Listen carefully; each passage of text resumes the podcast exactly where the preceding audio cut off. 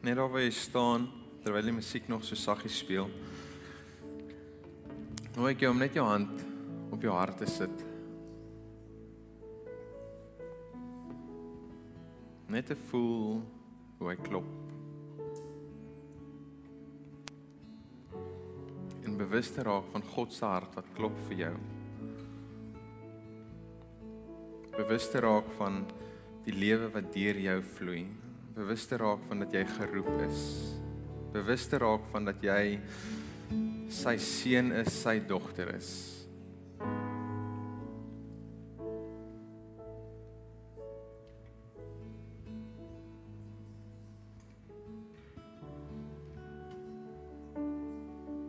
Jy staan miskien ver oggend hier en dit voel of jou kers miskien besig is om uit te brand. Dit voel of jou krag min is.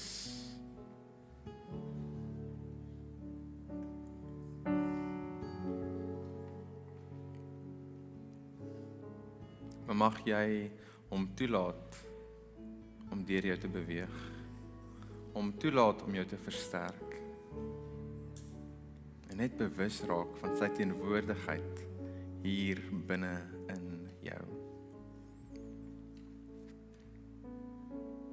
Spirit in Jesus naam. Amen.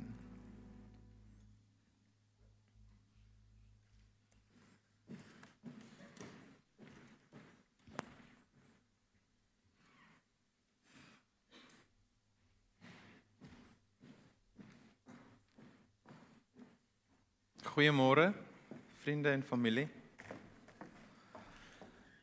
Ek hoop dit gaan goed met julle vanoggend.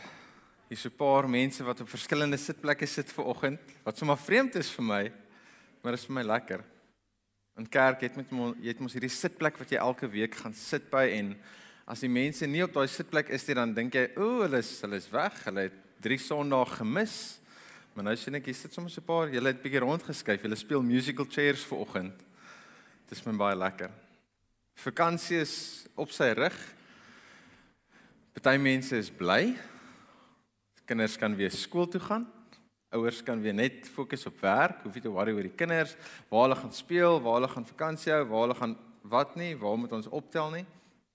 En ehm um, kinders is een van die interessantste goed. Een van die lekkerste wesens om om mee te werk en en die pad wat jy stap saam met 'n kind of dit nou jou eie kind is of dit um, iemand anders se kind is is sekerlik een van die mees interessantste goed wat jy ooit in jou lewe gaan doen.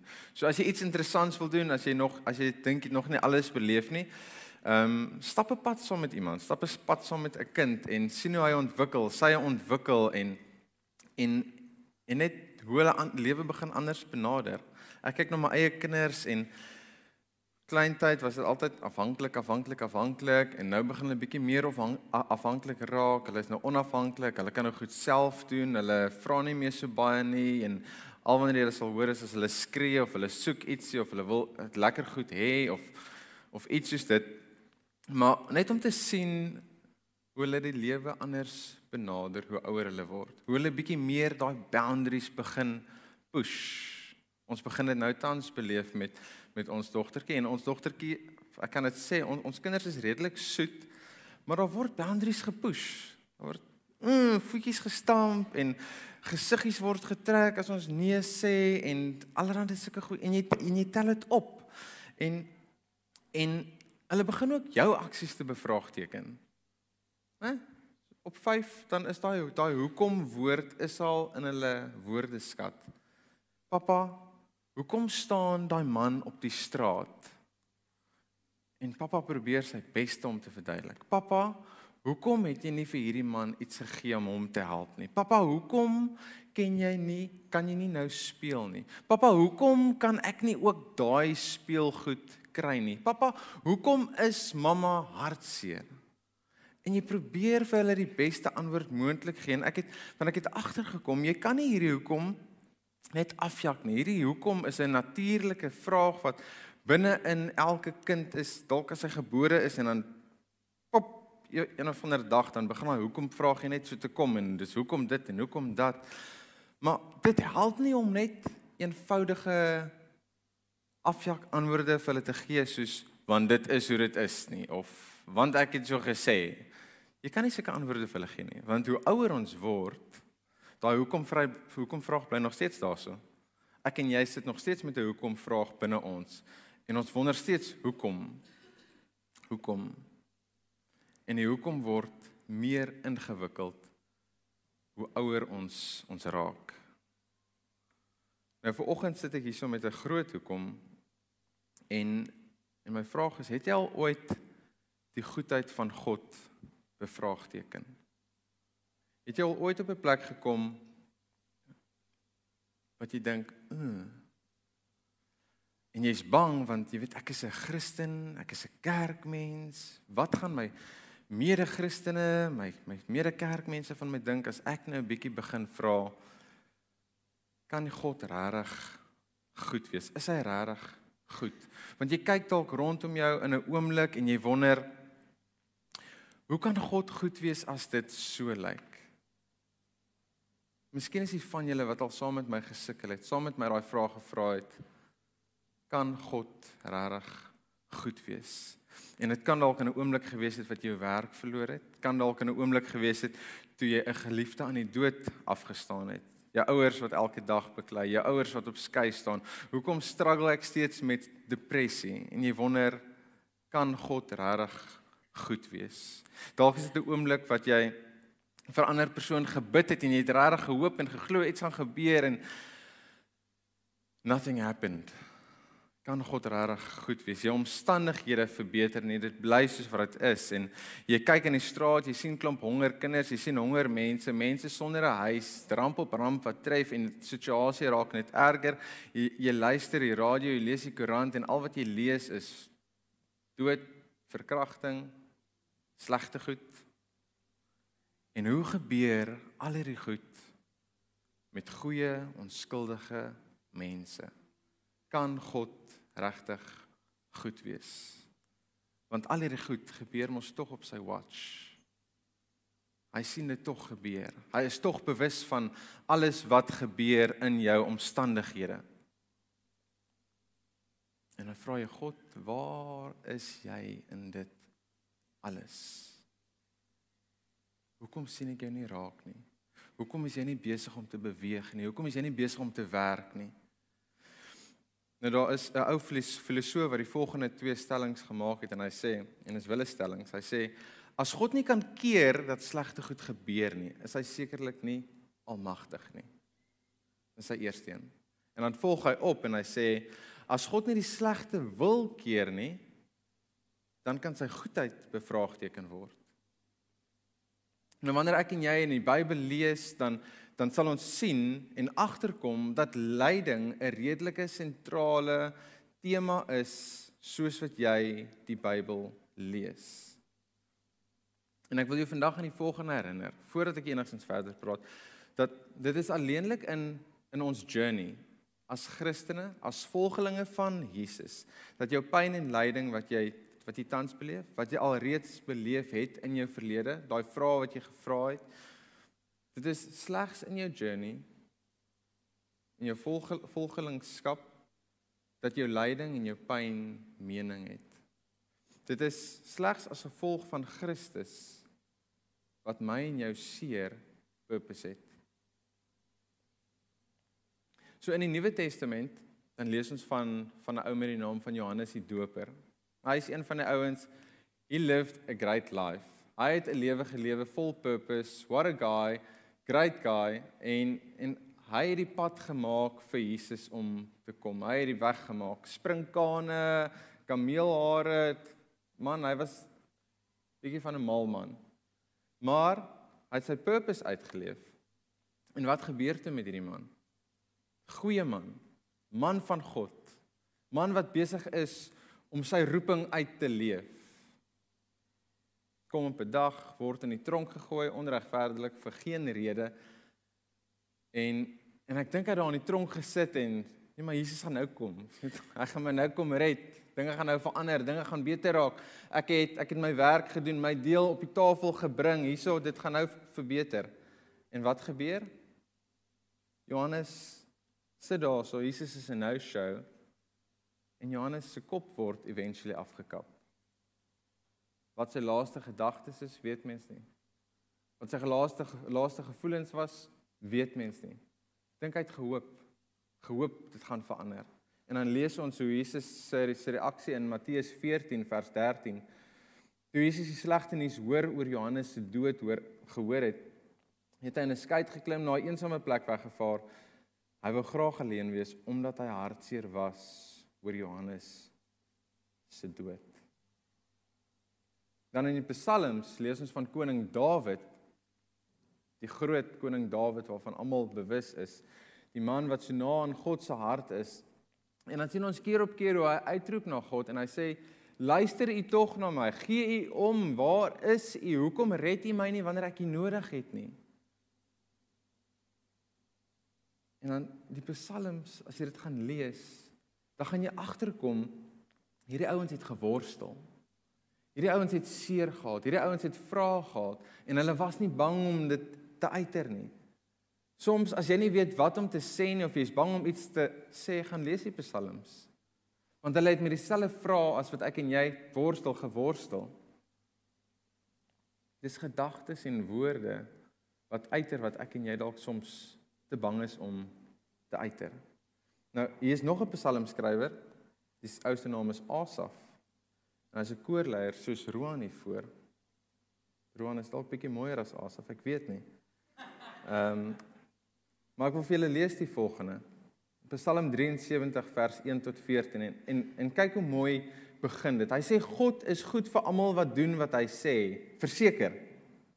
Maar op 'n dag het ek begin twyfel of dit regtig so is. Ek het amper ophou glo. Want toe ek rondom my kyk, het ek gesien hoe goed dit met slegte mense gaan. Hulle is so hoogmoedig en hulle word by die dag al hoe ryker en ek was jaloers op hulle. Niks bekommer hulle nie. Hulle is spekvet en gesond. Hulle is oor niks besorg nie. Hulle het geen moeilikheid nie. Hulle loop ewe trots rond want met hulle gewere en hulle vuiste los hulle al hulle probleme op. Hulle is vet. Hy sê dit vir die tweede keer. Dit het hom baie gepla. En hulle doen net wat hulle wil.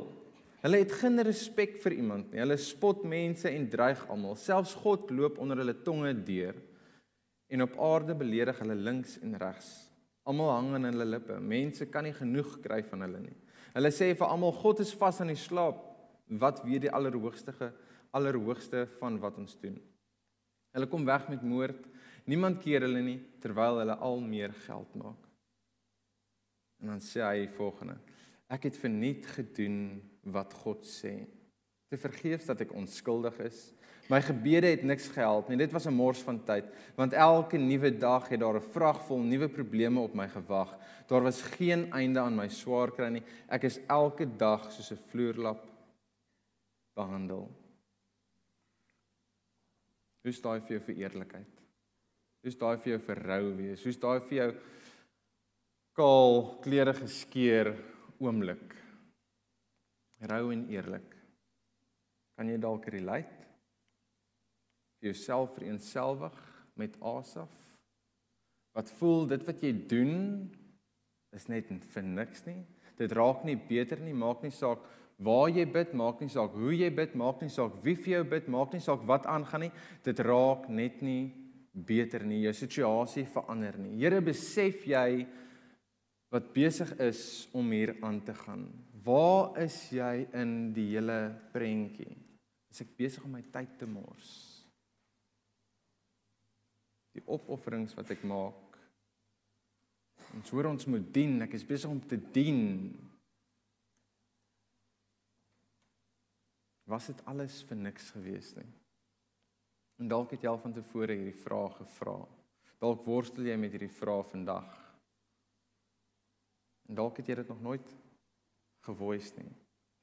Een van die mees algemeenste vrae is die vraag rondom as God 'n goeie God is en 'n liefdevolle God is, soos wat ons week in week uit hoor. Hoekom laat hy toe dat daar lyding is? Hoekom laat hy toe dat ons strate lyk soos wat ons strate lyk? Hoekom laat hy toe dat ons skuldige mense deur moeilike tye gaan? Nou liefde weet ek en jy is 'n keuse. En jy kan kyk na jou man, jy kan kyk na jou vrou, jy het haar gekies. Jy het verlief geraak en jy het gekies om hierdie verhouding verder te vat. Julle was vriende gewees en julle het toe begin hande vashou en toe begin soen en later, jy weet, is daar nou kinders dalk of nie kinders nie, julle is getroud. Maar liefde is 'n keuse. Maar net soos wat liefde 'n keuse is, is haat ook 'n keuse. En en ek het geleer dat ek nie 'n robot is nie, dat ek nie 'n grasnyer is wat iemand net 'n knoppie druk of iemand kan rondstoot en gaan die kant toe en die kant toe en die ek is 'n mens en ons maak ons eie besluite, né? Ons kies wat ons wil doen. Ons kies vir wie ons lief is en ons kies vir wie ons nie lief is nie. Nou ek kan kies om lief te wees of ek kan kies om nie vir jou lief te wees nie. Ek kan kies om vriendelik teenoor jou op te tree vandag of ek kan kies om jou in die rug te steek. Ek kan kies. En in dit sien ons hoekom pyn en lyding in hierdie wêreld van ons is. Want mense kies nie noodwendig altyd om lief te wees nie. Hulle kies nie noodwendig om hulle self tweede te plaas nie.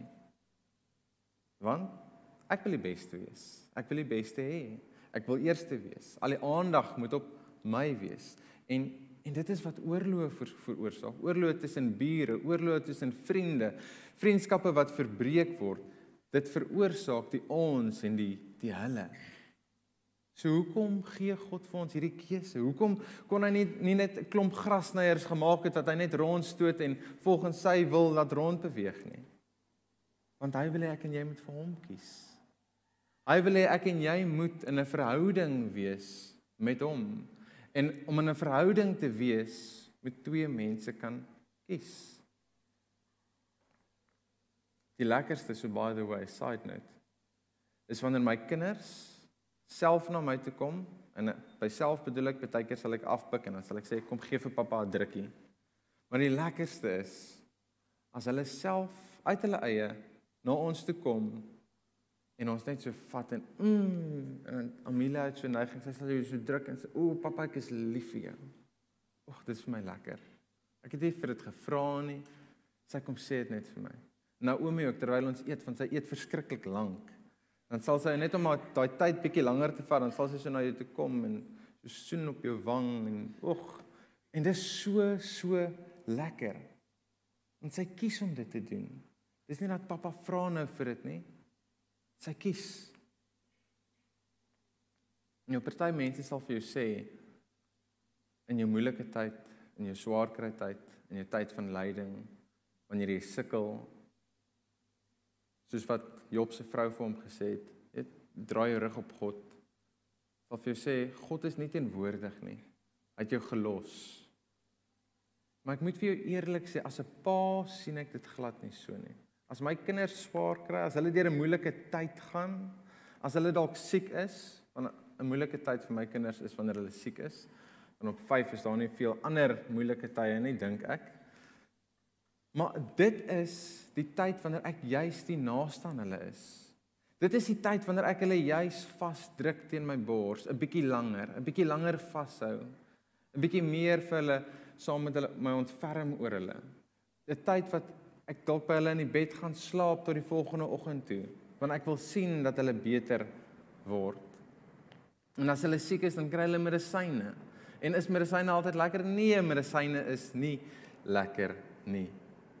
Nou hierdie prentjie van Amelia en haar antibiotika bly altyd in my geheue en dit sal tot die dag dat ek dood gaan altyd in my geheue bly, want dit het my so bietjie geskaar. So tussen 6 maande en 2 jaar oud het sy redelik baie mangelontsteking gekry. So ons was vertroud gewees met antibiotika en tot tot op 'n stadium toe kom daar hierdie slegte antibiotika uit wat sy nou moet begin gebruik. En soos ons weet, antibiotika kan jy nie net dis nie net 'n once-off medisyne nie, dit is dalk 'n week siklus of 'n 5-dag siklus wat jy moet gebruik. So nadat sy die eerste keer geproe het hoe sleg hierdie goed proe, toe was dit 'n challenge. Ek het letterlik ek moes al elke keer wat ons dit doen en onthou dit is my eerste kind gewees. So dit was moeilik. Ek moes geleer het. Maar ek het haar in hierdie leg en arm lock gehou En of ek sal familie sê hou net haar arms vas en dan sal ek haar kake so oop ruk, so op, en dan spuit ons in en dan en dan druk ek dit weer toe. Ah, en ek het so so slegte ouer gevoel. Maar het ek dit gedoen omdat ek vies is en dit kwaad is vir haar? Nee. Ek doen dit want ek weet hierdie medisyne gaan vir haar beter maak. Ek weet sy gaan gesond raak. Het die situasie my vies gemaak? Ja, die situasie het my vies gemaak. Dat sy so skop teen dit en haar kake druk sien ek Ag, dis 'n verskriklike prentjie. Maar ek wou net sien dat sy beter word. Hierdie slegte medisyne was die key om haar beter te maak. En dan praat ek baie keer van pynne wat ek kry hier in my laar rug of in my bene en drawer vriende spesifiek sal dan vir my vra, "Het jy 'n foam roller?" My skoonouers het vir my een gegee as geskenk. Of dit nou 'n geskenk is of nie, dat as ek gaan lê op daai ding, dan wil ek huil van die pyn want dit is seer, ek kan nie en dan lê ek so 10 sekondes en dan klim ek my eerder af want dit is te seer. Ek ek kan nie, ek kan dit nie doen nie. Maar daai foam roller is eintlik maar soos antibiotika. Want daai proses, daai pyn wat jy ervaar, dis dis in dit is genesing. En as jy dit nie gaan doen nie, dan gaan jou spiere nie beter raak nie. As jy nie daai medisyne drink nie, dan gaan jy nie noodwendig vinnig beter raak nie. Die doel van die medisyne is om jou gesond te maak. Die doel van die foam roller vir my is om my spiere te herstel. So jy kan fisio toe gaan as jy wil, jy kan line gaan kry as jy wil. Jy kan op vir 'n operasie gaan as jy wil, maar daar gaan pyn betrokke wees in daai genesing. So hoekom gebeur slegte goed met goeie mense? As jy nou rondom jou kyk, jy weet daai gesin wat daai persoon wat elke Sondag teenwoordig is, wat jy elke week sien sit hierso, wat elke week dien hierso. Jy sal hom sien agter die koffie, jy sal hom sien op die verhoog, jy sal hom sien agter die kamera. Hoekom moes daai gesin deur daai traumatiese ervaring gaan? Hoekom moes hulle so seer gekry het? Ek dink aan ek dink aan die van Starens wat deur die ramp moes gegaan het, die hulle huis wat afgebrand het. Hoekom moes dit gebeur het? Ek dink aan vriende wat sukkel om om kinders te kry. Vriende wat gesukkel het om kinders te kry. En die pyn is steeds daar, die vrae is steeds daar. Hoekom? Ek dink aan kinders wat sonder 'n ma of 'n pa moes groot geword het. Hoekom? Ons verstaan dit nie.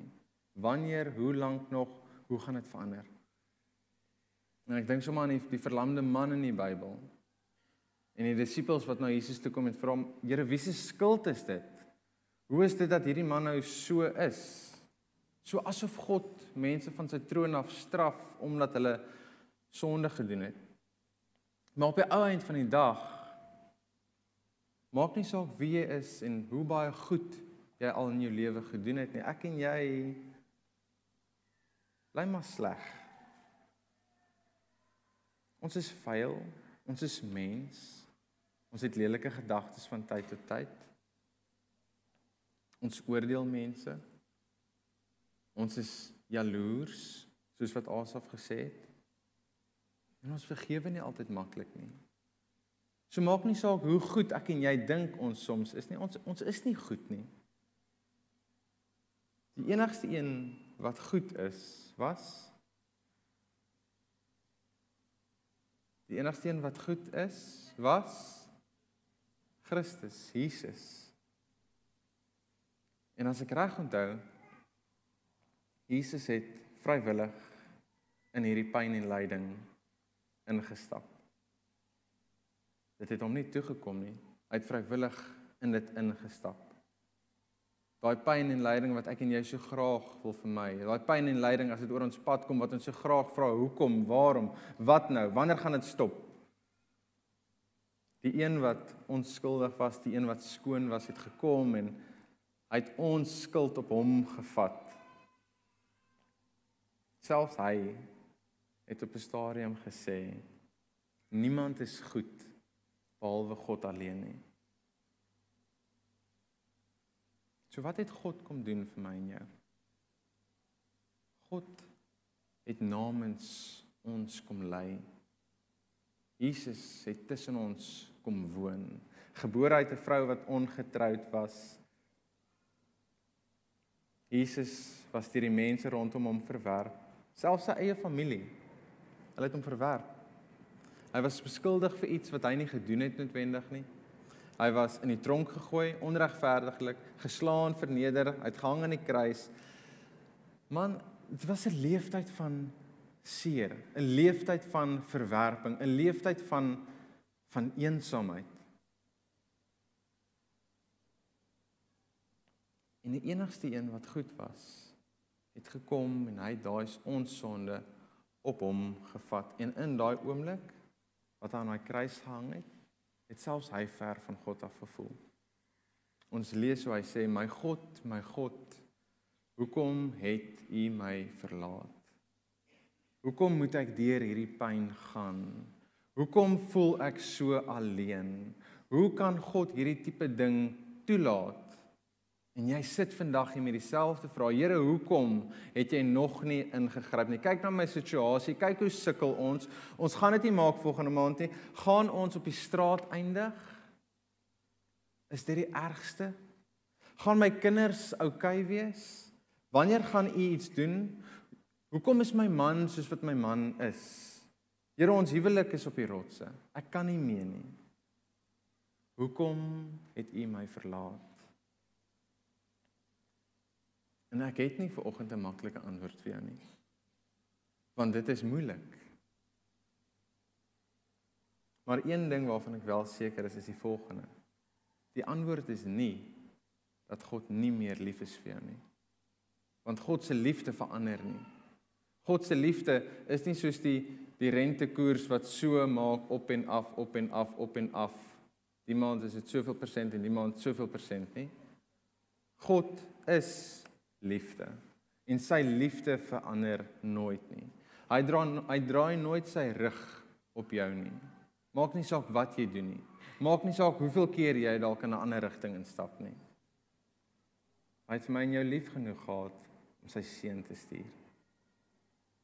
Sodat ek en jy 'n ewigheid saam met hom kan spandeer sonder lyding. En God het geweet na Jesus se lyding na die dood gaan daar 'n opstanding wees, 'n beter pad. Hy het geweet daar moet dood wees sodat daar opstanding kan wees. En hy weet, soms moet ek en jy deur sekere pyn gaan, deur sekere tydperk gaan om genesing te beleef. Want dit is wat 'n fisio doen. 'n Fisio weet, jy moet deur hierdie pyn gaan om daai genesing te kan kry. So al lyk die omstandighede donker, al lyk dit of daar geen uitkoms is nie, al voel dit of jy stak is in hierdie donker vallei. Jesus het nooit gesê dit gaan maklik wees nie. Jesus het nooit gesê dit gaan 'n pynvrye pad wees nie. Hy het net gesê volg my. Stap agter my aan. Doen wat ek doen. Lewe soos wat ek lewe en jy gaan ware lewe ontdek. Soms voel jy ek wil skree. Waar is jy? Hoekom is dit so? Wanneer gaan dit verander? Ek kan nie meer nie. En skree dit. Uiter dit. Praat met God daaroor. Sê vir hom hoe jy voel. Laat hy bewus wees van wat hier aangaan. Praat met mense daaroor. Maar ek wil jou herinner. Die lewe is 'n maraton. Ons het dit nou al baie gehoor. Dis nie 'n sprint nie. Dis nie net vinnig verby nie. En ek en jy is besig om te hardloop hierdie resies, hierdie maraton. En dalk is jy op 'n plek waar dit regtig sleg gaan. Dinge voel regtig nie vir jou lekker nie. You don't have everything under control anymore. Die balle is besig om te val, maar weet jy wat? God is by jou. In die middel van dit alles is hy steeds by jou. Hy huil saam met jou. Daai seer wat jy tans beleef, hy het seer saam met jou. Dis nie 'n God wat iewers ver is, wat nie voel wat jy voel nie. Dis 'n God wat teenwoordig is, 'n God wat binne jou is, 'n God wat vir jou troos, 'n God wat vir jou vashou, 'n God wat huil saam met jou. Dis wie ons God is. 'n God wat jou vashou in hierdie tyd. En hoe langer jy hierdie pad stap saam met hom, met die wete dat hy by jou is, met die wete dat hy jou nooit alleen los nie, met die wete dat sy liefde vir jou nooit verander nie. En met die wete dat die dood reeds oorwin is in Jesus wat opgestaan het. Hoe meer gaan jy kan asemhaal. Want jy gaan besef hierdie situasie waarin jy jouself tans bevind, dit is nie die einde nie. En die einde is reeds oorwin. Die dood is reeds oorwin. Hierdie omstandighede wat nie wil verander nie, ek gaan dit dag vir dag vat. Asemhaling vir asemhaling. En hierdie situasie het nie die finale sê op my lewe nie. Christus het sy dood en opstanding het die finale sê op my lewe. En ek het ver oggend 'n spesiale gas genooi om met julle te kom praat ook ver oggend en haar storie te deel. Ek wil vra dat my skoonma na vore sal kom en Millie gaan saam met haar hier staan. Ehm um, en sy gaan bietjie iets deel rondom haar hoekom rondom haar vraag wat sy gevra het en wat met haar gebeur het en hoe sy vandag terugkyk daarna. Want dit is nie altyd maklik om in die donker omstandighede te sien hoekom en waarom nie. Maar dalk wanneer jy daar deur is en wanneer jy terugkyk dan is daar dalk 'n beter antwoord vir jou.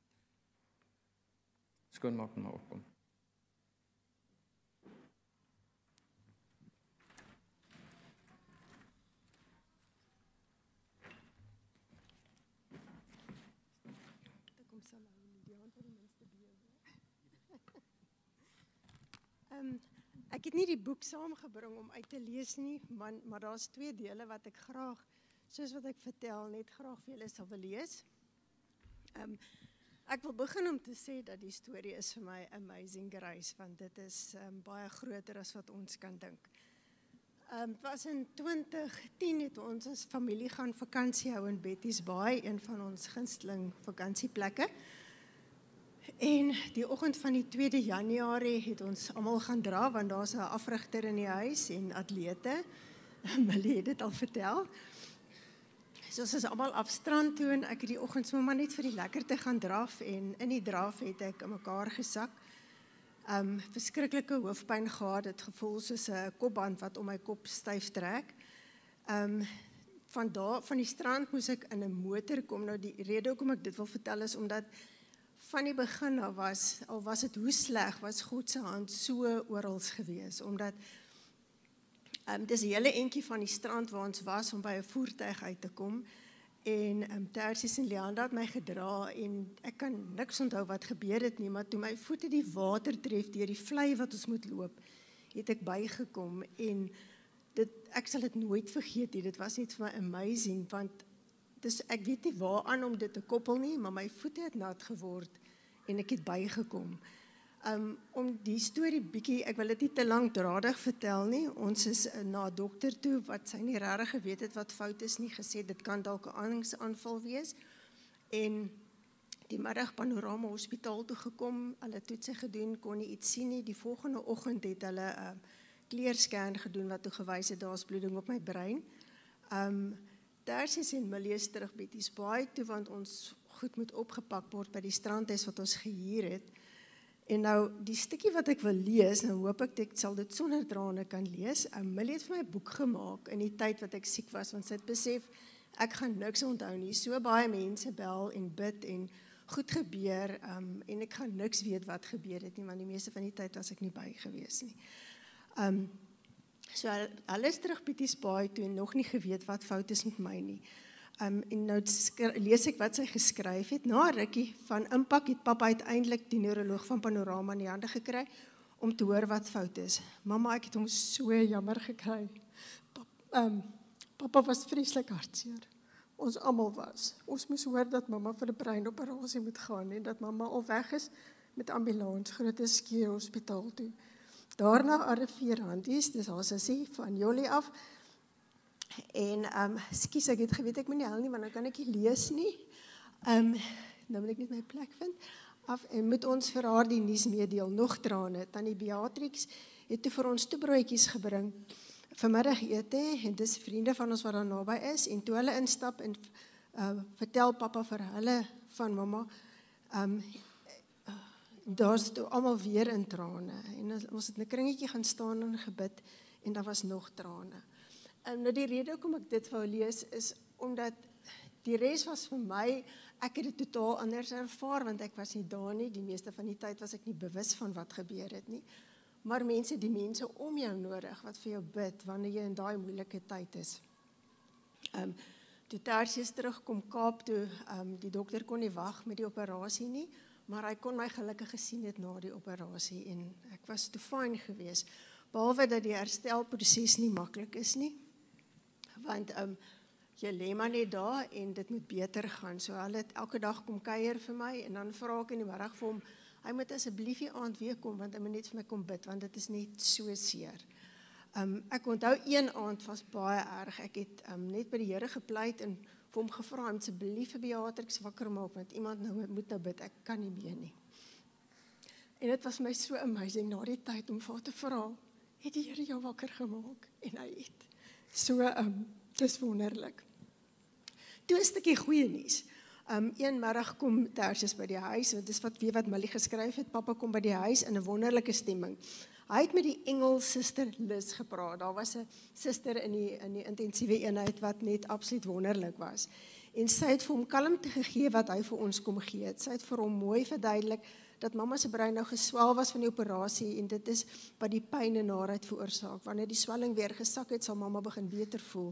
Sy het ook gesê dat mamma se brein afgeskakel het met die operasie en dat haar hele liggaam nou moet help met die herstelproses. Dit is hoekom mamma nie met ons wil praat nie. Sy het ook vertel dat die brein die vinnigste reageer, maar die stadigste herstel. Dat mamma 7 tot 10 dae in die intensiewe eenheid sal wees um, en dan nog 3 dae in die gewone saal en sy het ook gesê dat al die pasiënte stap daaruit. So dit het vir hulle baie gemoedsrus gegee dit het so ge, so gebeur as ek net een stukkie kan vertel in die gewone saal het daar 'n tannie oorkant my gelê. En in die oggend was meer as een keer dan dit was nou almal pasiënte van uh, professor Taylor hulle gewees. Dan sal sy regop sit na bed. Sy is heelwat ouer as ek. Dan sal sy sê: "Linda, die Here het 'n wonderwerk gedoen." En dan het sy so om opgewonde van vooraf tussen al die pyn en al die goed deur. So dit was vir my amazing en ek is toe huis toe.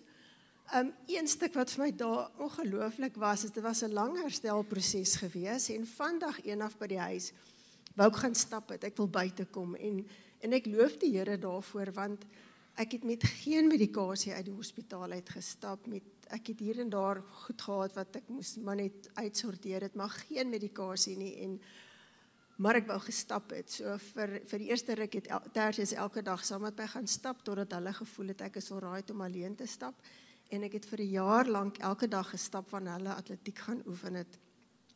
Um maar toe die storie nog 'n stukkie draai gehad, die 17de November het ek saam met Leanda gaan swem by die gym want ek wou net ietsie anders gedoen het en ek het so 10 wat het ek gesê November. Ag ja, dit was Februarie, 17 Februarie, sorry ja.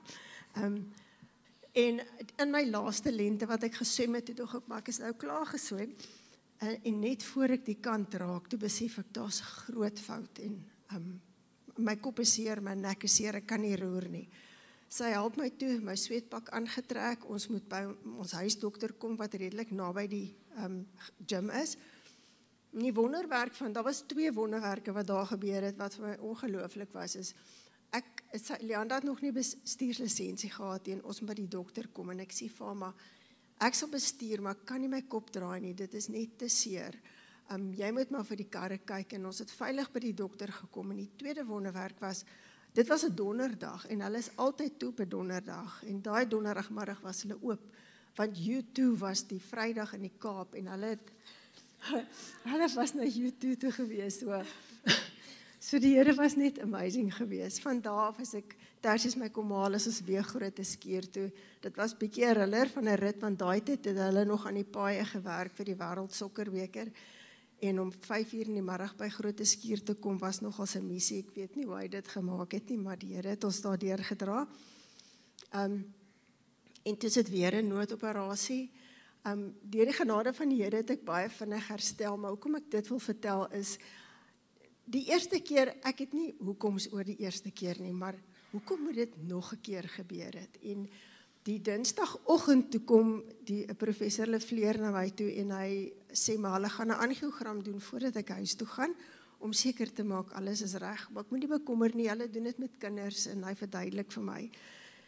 Nou hy weg is het ek stiltyd uitgehou en saam met my stiltyd het ek 'n 'n stukkie gelees en ek sal as ek klaar is vir julle daai stukkie lees was agter in 'n Sari tydskrif. En ek het my stilte tyd neergeskrywe in um oor kan die saal wat ek was want by Groot Skuur is um, ek weet nie wie van julle ken die Netcare afdeling nie. Dis die kanaal groter en anderster, maar daai tyd was dit die Cat Lab wat vir breinscans was en dan 'n um, groot kankereenheid, niereenheid en dan rehabilitasie vir mense wat ledemate verloor. En so daar was baie kankerpasiënte in die oggend na my stilte tyd gaan kuier ek vir die een vrou maar ek het toe nog net een keer met haar gesels en ek is so opgewonde wat ek gedeel het en wat gebeur het en ek deel dit met haar maar ek het alles op 'n papiertjie neergeskryf en ek was so lus vir gesels en ewe skielik maar skus ek moet sê sy was baie baie siek geweest maar ewe skielik vlies sy uit die bed uit sy sê ek moet hierdie briefie vir Tannie, ek kan nie hulle name onthou nie, so en so vat. Sy moet voor 2 uur vanmiddag 'n baie groot besluit neem van 'n groot operasie wat sy moet doen. En vir 'n oomblik was ek so verslaaf want ek was so lus vir kuier. En die hardloop sy weg met my briefie. En dit was vir my amazing want na die tyd het ek geweet die Here het so groot doel gehad met met wat daai oggend alles gebeur het. Um toe ek in die um teater is vir die angiogram gesels 'n uh, dokter Lefleur met my en hy vra vir my sê ek alright? En ek begin met hom deel wat ek die oggend in my stilte tyd gelees het. En dit was vir my ongelooflik kosbaar want die teater is nie baie groot nie en almal is nou maar doenig en besig om te werk. En ehm um, die Here het 10 10 1 baie meer gesaai daar as wat ek ooit kan dink. So dit was vir my baie kosbaar en die wonderwerk van dit alles was um, om te kon beleef hoe hulle die angiogram doen want dit is ver bo wat my verstand kon dink van hulle voorbereiding vat baie langer as wanneer die proses begin en dit voel vir my binne 30 sekondes is hulle binne in jou brein en jy kan sien waar waar hulle oral ster kyk en dit was net vir my soos hierdie groot wonderwerk wat die Here besig was om te doen. Um Ek dink dit daar's iets spesifiek wat ek nou nog daaroor wil sê nie, maar ek wil lees wat ek daai oggend gelees het want dit is dit sal my altyd bybly. Um ek kan nie weet nie wie van julle onthou nie vroeër jare het um Koos van der Merwe, hy was deel van Prophet gewees, het hy geskryf agter in die Sari. En daai oggend lees ek geloof is 'n nou woord. Die lewe se grootste en beste seisoen is die seisoen van hierdie oomblik nou. Die Here van die kindertjies wil hê ons moet groot mens dinge afleer. Groot mens dinge soos bekommer oor die volgende jaar en top oor gister. Soos die kindertjies moet ons die groote die nou ontdek. Leef nou. Oral om jou gebeur die lewe. Jy kan soos 'n kind word en dit raak sien. Geleenthede, skoonheid, mense, trane. Word soos 'n kind. Doen dit vandag. Moenie uitstel nie.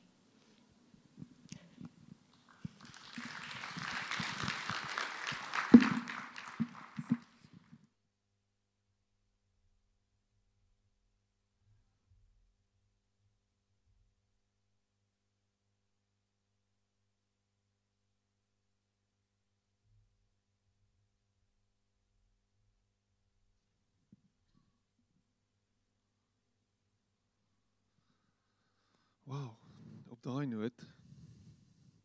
Wat 'n storie. Wat 'n oggend. Wat 'n boodskap wat die Here nie met ons kom deel vanmôre nie.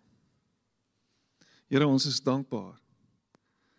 Dankbaar dat U is wie U is. En Here dat U kom en medelee met ons toon en met ons het deur mens te word. Nie iewers vanuit die hoogte uit vir ons te sê en met ons te deel nie, maar om een van ons te word. Tussen ons te kom woon en dieselfde pyn en dieselfde lyding te kom ervaar, te beleef, om verneder te word, om verguis te word, om beledig te word en die rug toegedraai te word, om seer gemaak te word, om trane te stort. Here, dankie dat ons pyn Here betekenis het. Dat ons pyn waardevol is en kosbaar is vir U ook. En dat U saam met ons huil wanneer ons huil. Dat U saam met ons is wanneer ons seer het en wanneer ons pyn het. Dat ons nooit eensaam en alleen deur dit gaan nie. Ons dankie daarvoor en dankie vir die herinnering vanoggend. Dankie vir 'n kosbare getuienis van van u goedheid en u guns midde in doodskade weer. Midde in daai oomblik van absolute smart was u betrokke en was u besig in Linda se lewe en in haar liggaam en dat deur haar pyn en seer 'n impak kon maak op die mense rondom haar. En dis wat U doen, Here. Daar is nie sinnelose pyn nie. Daar's altyd betekenis in dit. En ons dankie daarvoor. Dankie vir hierdie storie van bemoediging vir oggend. Dankie vir die kosbare woord. Dankie dat U by elkeen van ons stil staan. En ek prys U daarvoor. Amen.